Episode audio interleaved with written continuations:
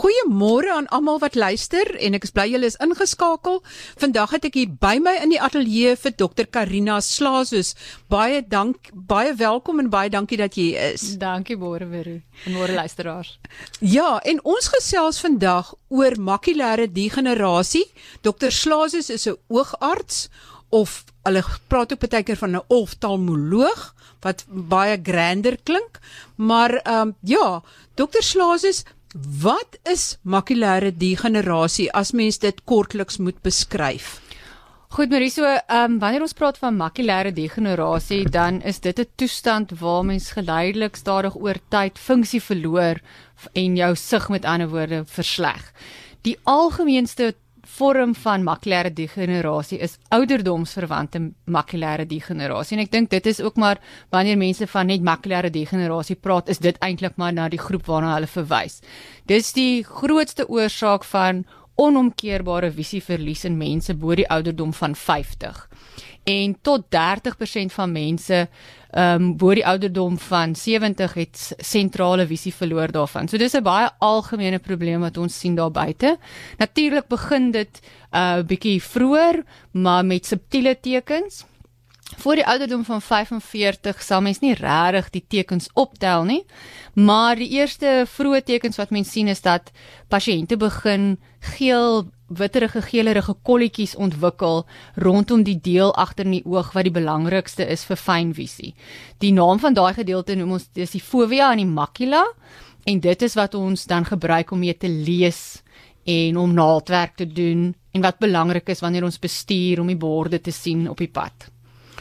So is die macula deel van die retina. Ja, so as ons mens na na die oog kyk, die retina, um, is die agterste gedeelte in die oog, dis soos die film van 'n kamera. Dit is wat die lig opvang en dan die sein na die brein toe stuur.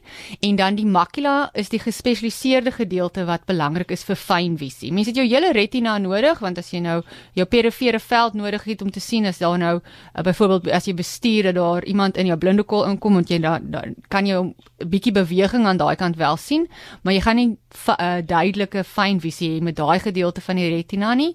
Die sentrale gedeelte is wat belangrik is vir lees en skryf en detail.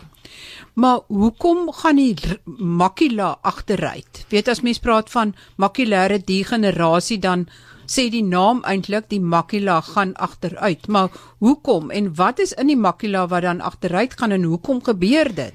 So die die makula het meer gespesialiseerde 'n groter konsentrasie van die gespesialiseerde selle wat belangrik is om die beeld op te vang. En ehm um, hierdie selletjies is hoogs metabolies aktief Jy kan uh van hierdie wit neerleggingkies kry in die in die periferie van die retina, maar die sentrale gedeelte is maar hoofsaaklik waar dit die mees algemeenste voorkom. So die vroeë tipe ons eers die eerste tekens wat mense sou sien is hierdie wit kolletjies of ons noem dit drusen. Dis maar neerleggings basies van die afvalprodukte soos die selle nie meer ehm um, die afvalprodukte kan verwerk nie, dan bou dit op en dit word daar neergelê en dit verswak dan die selle ook oor tyd en daai selletjies wat dan nou doodgaan, uh, is dan kolle waar die visie nie meer opgevang word nie. En dit is dan kolle in jou visie wat weg is. So die die ehm um, en dit is wat die meeste mense 90% van mense het hierdie tipe en ons en dis die droë tipe makula ouderdomsverwante makulêre degenerasie. 10% van mense kan ook wat ons noem die nat tipe ontwikkel. Nou dis wanneer hierdie die integriteit van 'n membraantjie agter in die oog wat wat gereguleer word deur die selle en help om alles mooi in struktureer struktureel bymekaar te hou. Basies 'n krakie ontwikkel en dan deur die krakie groei daar dan abnormale bloedvaatjies en die abnormale bloedvaatjies kan dan lek of hulle kan bloei en dit veroorsaak dan 'n skielike afname in visie. So die pasiënte sal klaar dat hulle skielike donker kol gesien sien nou in hulle visie wat nie van tevore daar daar was nie. Of hulle het skielik agtergekom die blindings is nie meer reguit nie hulle is gekartel of die wit streep of die op die pad is nie meer reguit nie. Hy het nou hy's nou so gekronkel. En en dit is 'n 'n teken dat daar nou vog of bloeding agter in die oog is. Nou vir die die die uh, droë tipe makulêre degenerasie is daar ongelukkig nie behandeling beskikbaar nie daar is tans studies uh waarmee hulle besig is om te kyk is daar aanvullings.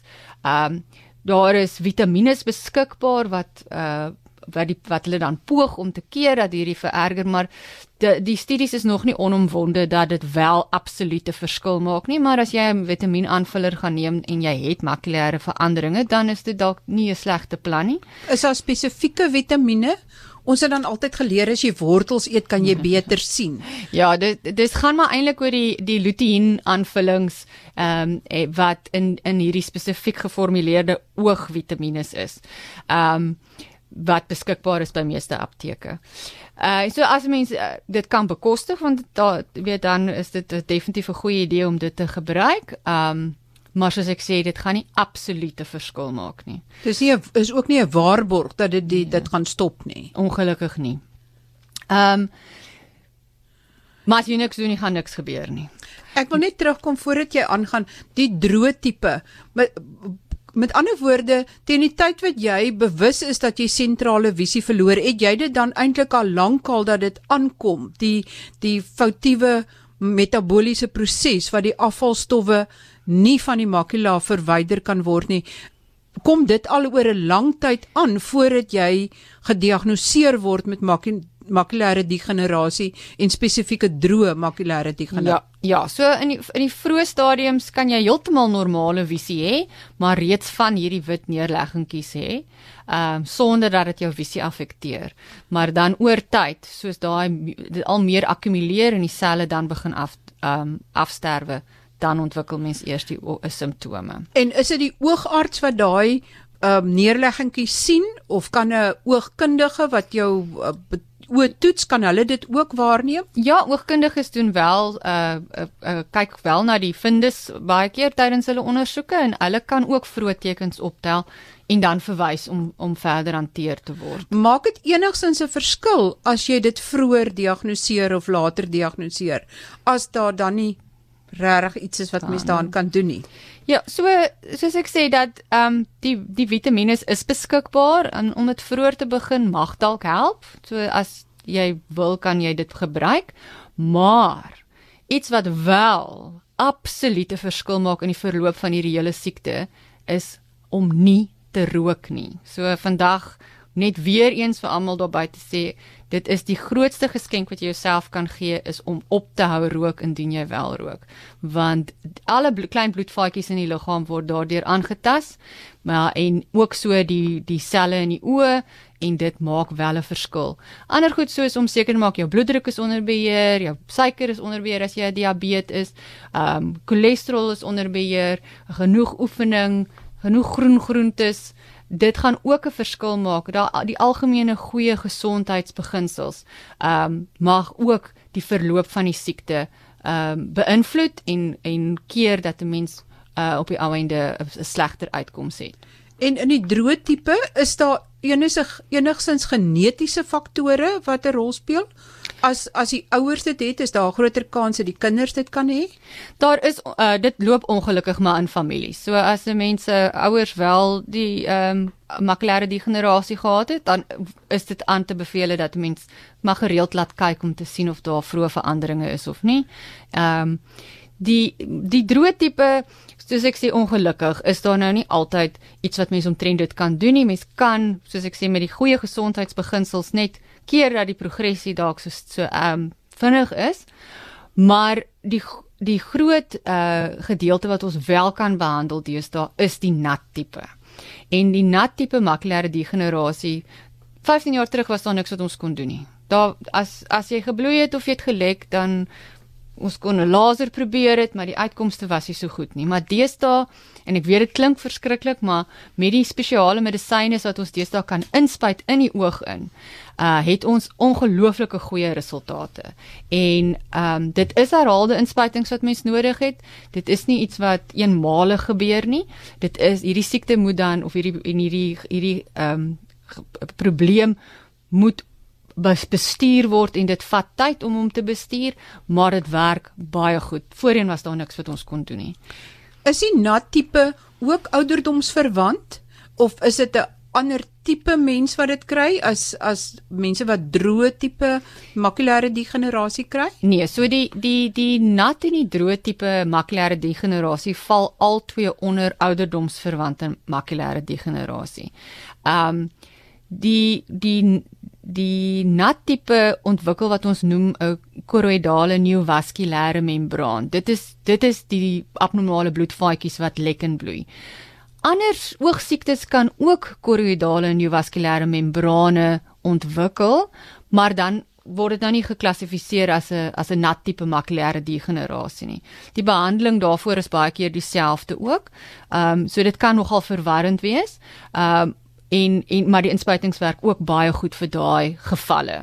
Maak die inspuitings dat die bloedvaatjies krimp of wat maak die inspuitings? Ja, so die die inspuitings ehm um, werk teen die uh faktore wat afgeskei word wat hierdie abnormale bloedvaatjies stimuleer om te groei. So dan die inspuiting blok dan daai faktore wat dan maak dat as daar nou nie 'n sein is om te groei nie, dan begin daai bloedvaatjies krimp.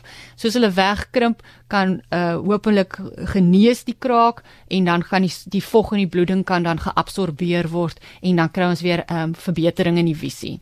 Nou die die die probleem is as mens ophou inspuit dan kan daai faktore weer afgeskei word en elke slag wat die vog terugkom uh raak dit moeiliker om die visie te kry na wat dit was voor die vog ge, uh plaasgevind of uh, want die selletjies word tog beskadig 'n bietjie deur daai swelling. En dis hoekom party mense op 'n maandelikse of 'n 6 weeklikse basis of 8 weeklikse basis aanhoudend met inspuitings kry al is hulle gestabiliseer want ons wil nie hê die vog moet terugkom nie. Party mense uh gaan dit weg en mense kan ophou inspuit, maar ander mense het gereelde inspuitings nodig, ongelukkig. So as jy nat makulêre degenerasie het, dan sien jy skieliker die die middelvisie wat verdwyn, die donker kol in die middel. En as jy dan die inspuitings kry, kan jou visie dan weer verbeter of is dit maar net dat dit keer dit verder gaan? Nee, die um, ja, so jy's reg, die dis 'n skielike verandering in jou visie. Maar die inspuitings kan daai dowwe kolle laat krimp, hulle kan ligter word en uh, ons sien meestal vir alles ons vroeg uh die inspuitings kan gee dat daar 'n uh, baie goeie herstel kan wees nie noodwendig terug na 100% toe of presies wat dit was nie, maar 'n re redelike goeie verbetering. Ehm uh, so dis ons is baie opgewonde en baie positief oor hierdie behandeling. So buiten dat die pasiënt dan beter sien, kan jy dit sê maar onder 'n mikroskoop sien dat daai deel van die van die makula dat dit regtig waar weer verbeter dat sy anatomie verbeter. Ja, so o, ons kyk ehm uh, na drie goed eintlik. Ons doen nie ons toets die visie self, ehm uh, want dit is wat ons dis een van die parameters wat ons wil hê moet verbeter soos ons die behandeling gee. Uh met 'n kliniese ondersoek kan jy sien hoe lyk die area waar dit geswel is, is daar bloeding? Maar dan doen ons 'n spesiale foto wat ons noem 'n OCT. Dit is basies 'n laserfoto van die agterkant van die retina, spesifiek van die makula wat die be belangrike deel is vir die fynvisie. En dit gee dan vir ons uh, 'n uh, deursnit foto van die retina wys hoe lyk die laag en dit kan vir ons die die verdikking en die vog dan meet en dan oor tyd as mens nou 'n week of 'n maand later dit herhaal dan kan jy sien het daai vog verminder het dit meer geraak het die ega het die ehm um, die retina meer egale geword of is dit meer onreël onreëlmatig want dit gaan 'n groter impak hê op die visie. So ons wil hê dat die visie moet verbeter en die swelling moet verminder op die OCT en dit is wat ons dan help om te monitor hoe suksesvol is ons behandeling en wat is die volgende stap. Moet ons meer gereeld inspuit of kan ons nou dalk langer wag tussen inspuitings? En is dit die onreëlmatigheid op die retina wat dan maak dat reguit lyne begin lyk of hulle golwe maak. Ja, dis korrek, want die ret, die selle agter in die retina is amper soos gepak soos wat 'n legkaart stukkie gepak is. En daai elke stukkie legkaart het in die brein 'n spesifieke area wat dit stimuleer. So jou beeld lyk soos jou legkaart, maar as daar vog was, is dit asof jy die legkaart opgetel het en hom weer laat val het. Daai optel vir gaan ook jou beeld vir 'n uh, bietjie distorsie veroorsaak, maar die val, die stukke kom nooit weer regtig terug presies soos waar hulle was nie. En daai distorsie is dan wat die brein, hoe die prentjie dan lyk wat die brein dan sien. Met ander woorde, as jy nat makulêre degenerasie het te doen met ooraktiewe bloedvatvorming en dan word die ooraktiewe bloedvatvorming gestop omdat jy amper dit 'n blokkaas blokkeermiddel inspuit direk in die oog. Maar met droë makulêre degenerasie is dit die afvalstowwe wat nie vinnig genoeg verwyder word nie. Nou is daar enige navorsing wat gedoen word om te kyk of daar iets is wat kan help dat daai afvalstowwe verwyder kan word in droë makulêre degenerasie omdat dit eintlik 'n baie algemene probleem is. Ja, hulle is hulle is besig, maar dis nog baie vroeg. Die navorsing is is nog nie kommersieel beskikbaar nie en hulle is nog besig om daai medisyne te ontwerp, maar ongelukkig nog nie beskikbaar dat ons aan ons pasiënte kan gee nie. Is jy hoopvol dat dit binne die volgende 10 jaar dalk beskikbaar sal wees? Ons kan maar hoop ja, dis ehm um, dit is 'n groot siekte met 'n baie groot impak wêreldwyd ehm um, op mense se lewenskwaliteit en hulle ekonomiese aktiwiteit en hulle is definitief besig met die navorsing so ons hou ons watch the space. Ja, en hoe kompenseer mense as hulle die sentrale visie verloor maar hulle het nog perifere visie draai hulle hulle koppe effens om eintlik meer van die veld te kan sien sonder dat hulle eintlik besef dat hulle dit doen?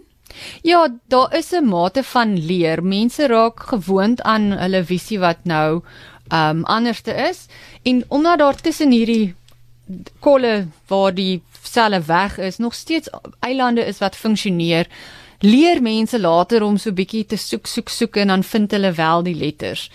Um, goed oor die algemeen wat baie help is 'n is 'n lekker vergrootglas. Dit help baie met die lees. Um en uh, ongelukkig soms kan 'n bril nie noodwendig die visie veel verbeter nie, maar daar is uh, spesiale uh, uh mense wat help met uh, leeshulpmiddels.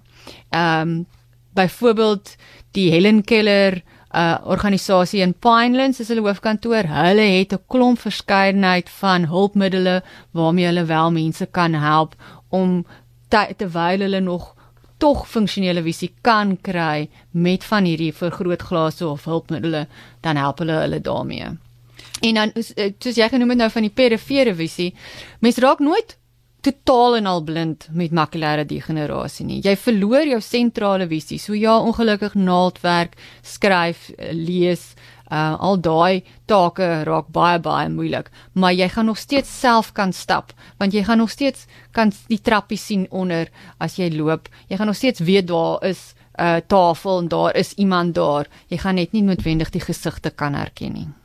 Behalwe as jy oë miskien bietjie jou koppietjie skuins ja. draai. Ja, maar dan weer eens die periferie het nie die gedetailleerde funksie ja. soos wat die makula het nie. So dis nooit ja. nooit so goed soos wat dit wat dit was nie. En dan kom ons natuurlik by Stargardt's se siekte wat dan meer jonger mense tref. Het dit 'n sterker genetiese faktor en vertel vir ons meer daarvan.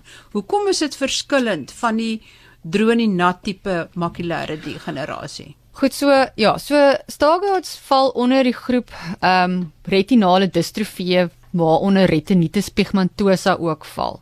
Nou dit is 'n genetiese toestand waar die ehm um, weer eens ook die selle in die oog kan nie hulle normaal, hulle kan glad nie hulle normale ehm um, uh, metabooliese prosesse onderhou oor tyd nie. So met Stargardt's ehm um, dit is gewoonlik uh ontwikkel die die die kinders simptome hier tussen die ouderdom van 10 en 20. Weereens dis die sentrale visie wat daardeur aangetast word. Um en die perifere visie bly ook intak. So baie van die paralimpiese atlete wat in daai af in, in die eh, swakste afdelings deelneem, ly aan Stargardt's. En um die dit is ook daar is ook 'n geneigtheid om in families te loop en daar is nou baie uh, opwindend wel vir Stargard spesifiek uh, het hulle nou ehm um, nuwe uh, behandelingsmodaliteite uh, wat hulle besig is om te toets in die vorm van ehm um, genetiese vektore wat hulle dan implant in die retina wat dan help om daai abnormale uh selletjies te te te kry om te begin funksioneer. So dis baie opwindend. So enige iemand met 'n uh, familielid of 'n diagnose wat onder die retinitis pigmentosa sambreel val, ek sou julle aanbeveel om by Retina SA uh aan te sluit. Hulle werk baie nou saam met die UCT uh genetika departement en hulle het 'n uh, 'n klompie pasiënte gesoek om deel te wees van hierdie studies wat baie baie belovend gelyk het. So hulle is die heeltyd ehm um, weet hulle presies wat gaan aan met uh nuwe ontwikkelinge. Uh en ek sou sê raak betrokke daar. Hulle gee ondersteuningsnetwerk, hulle help families, hulle kan help met die genetiese toetsing en um hulle doen baie goeie werk. En 'n kind wat jy word jy gebore met Stargardt se siekte met die geen wat dit veroorsaak, maar jy sê die kind is dikwels nie van 'n babietjie af blind nie of ja. wat hy swaksig het, dit ontwikkel eers bietjie later. Ja, so dit dit ontwikkel hierso van van die ouderdom van 10 af begin dit stadig uh ontwikkel. Um en dit ja, dit kan baie subtiel aan die begin wees. Uh selfs die kliniese tekens kan baie moeilik wees om om te sien dat dit is nou spesifiek Stargardt, maar daar is 'n paar toetsies wat ons doen en ons monitor dit en en ehm um, en dan help ons met die diagnose daar. Ja, dit was baie interessant. Jy het nou genoem van die gene wat hulle uh, inspuit of eintlik probeer om die defekte geen te vervang op 'n manier. Ehm uh, ek het 'n hele tyd terug het ek 'n video gesien van honde wat 'n soortgelyke geen het wat hulle blind is of eintlik ook sta honde staargaards het en dan spuit hulle ook vir hulle in die oog in en dan kan jy sien hoe hulle later om stoele in goeters begin draf wat jy duidelik kan agterkom hulle kan wel weer in 'n mate sien. Ja, daar ek ek weet die video is is baie indrukwekkend en en dis juist daai was die voorloper tot waar hulle nou gekom het dat hulle nou al begin het met studies in mense. So dis ons is baie opgewonde daaroor. So dis baie hoopvol dat daar dalk ja. in die toekoms deur gene terapie eintlik 'n 'n genesing kan kom vir mense wat met Stargardt gebore word of later daarmee gediagnoseer word. Ja. Uh dokter Slaasus, jy het gepraat van retinitis pigmentosum wat 'n uh, genetiese faktor is. Ek wil net terwyl jy daaroor gepraat het, wil ek net vinnig hoor, is daar 'n verband tussen uh, retinitis pigmentosum en nierskade? So die ehm um, niersiektes maak 'n groot uh faktor uit wanneer dit kom by genetiese uh, sindrome. So ehm um, daar's 'n wye wye verskeidenheid van van nier probleme wat mense met 'n uh, genetiese sindroom kan hê, maar dan sluit dit nou in hulle kan hartdefekte hê byvoorbeeld en verskeie ander goed.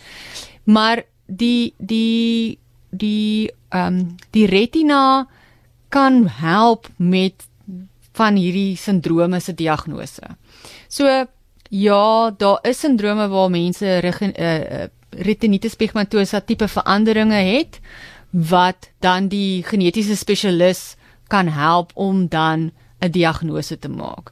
Dis nie absoluut dat as jy retinitis pigmentosa het, jy gaan nierprobleme hê nie. Dis maar net in 'n klein groepie mense wat wel genetiese sindroom het, is daar kan daar 'n assosiasie wees daarmee.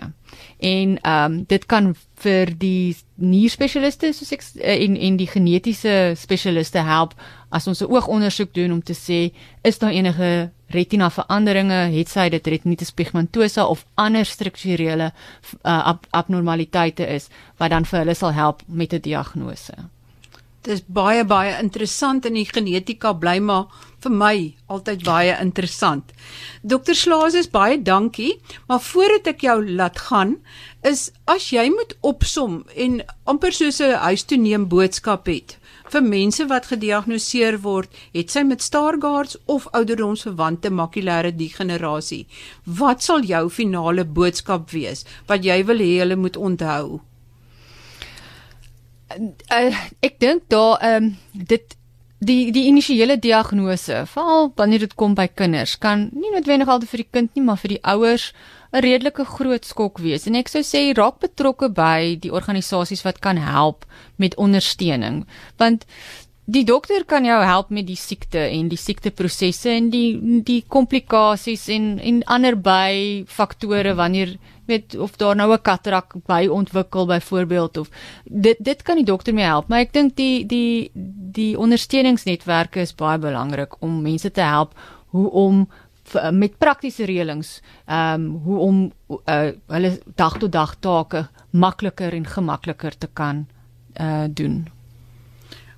Baie baie dankie dokter Slazes. My gas vandag in die ateljee is of moet ek sê was is dokter Karina Slazes. Sy's 'n oogarts by die Kaapstad Ooghospitaal en ook by Panorama Medikliniek en ons sê baie baie dankie dat sy haar baie interessante inligting met ons gedeel het. Volgende week gesels ek met 'n psigiater en dan gaan ons probeer onderskei tussen hierdie uh psigiatriese toestande so skizofrenie en psigopatie en wat is nou eintlik wat en wat is borderline personality disorder? Ons weet nog nie presies wat die Afrikaanse naam is nie. Maar ons gaan kyk en wat is 'n psigotiese uh episode?